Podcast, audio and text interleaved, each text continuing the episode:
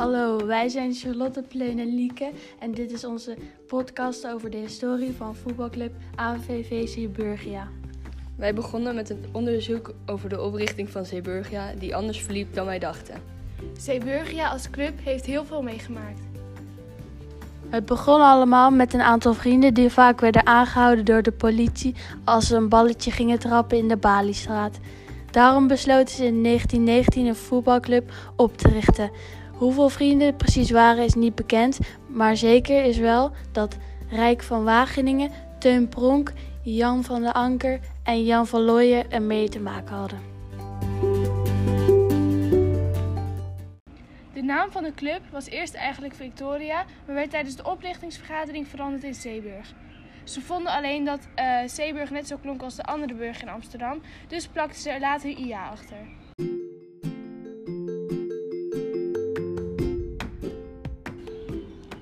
Toen kwam de Tweede Wereldoorlog. Het ging slechter met de club.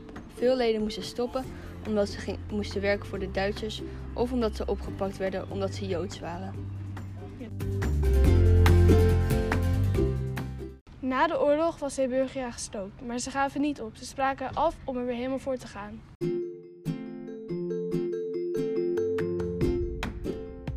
Eerst was het moeilijk en verloor de club door een nieuw bestuur alleen maar leden, maar ze zetten door. Kregen een nieuwe sponsor en er kwamen heel veel nieuwe leden bij. Zeeburgia groeide de jaren erna maar door. Ze kregen weer een nieuw bestuur en wonnen steeds meer wedstrijden.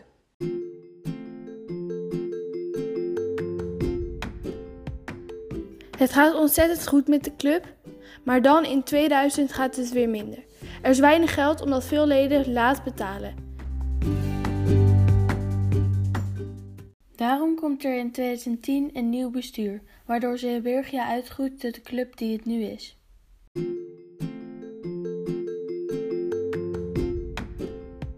Zeeburgia heeft dus veel meegemaakt, van hoogte tot dieptepunten. Ze hebben altijd doorgezet waardoor ze de club zijn geworden die ze nu zijn.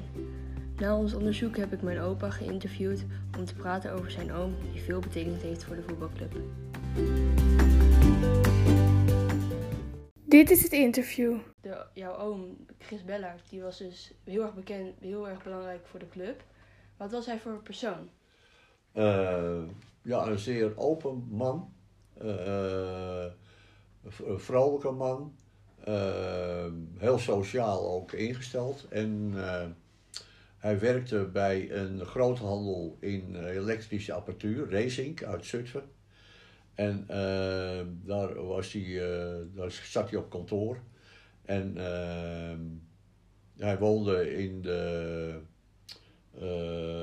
in, ook in de Indische buurt.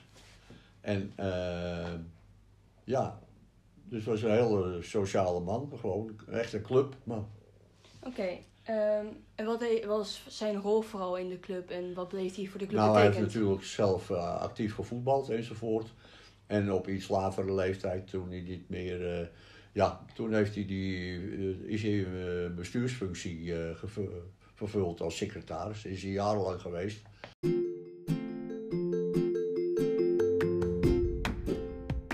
Dit was onze podcast over de historie van Zeeburgia. Bedankt voor het luisteren.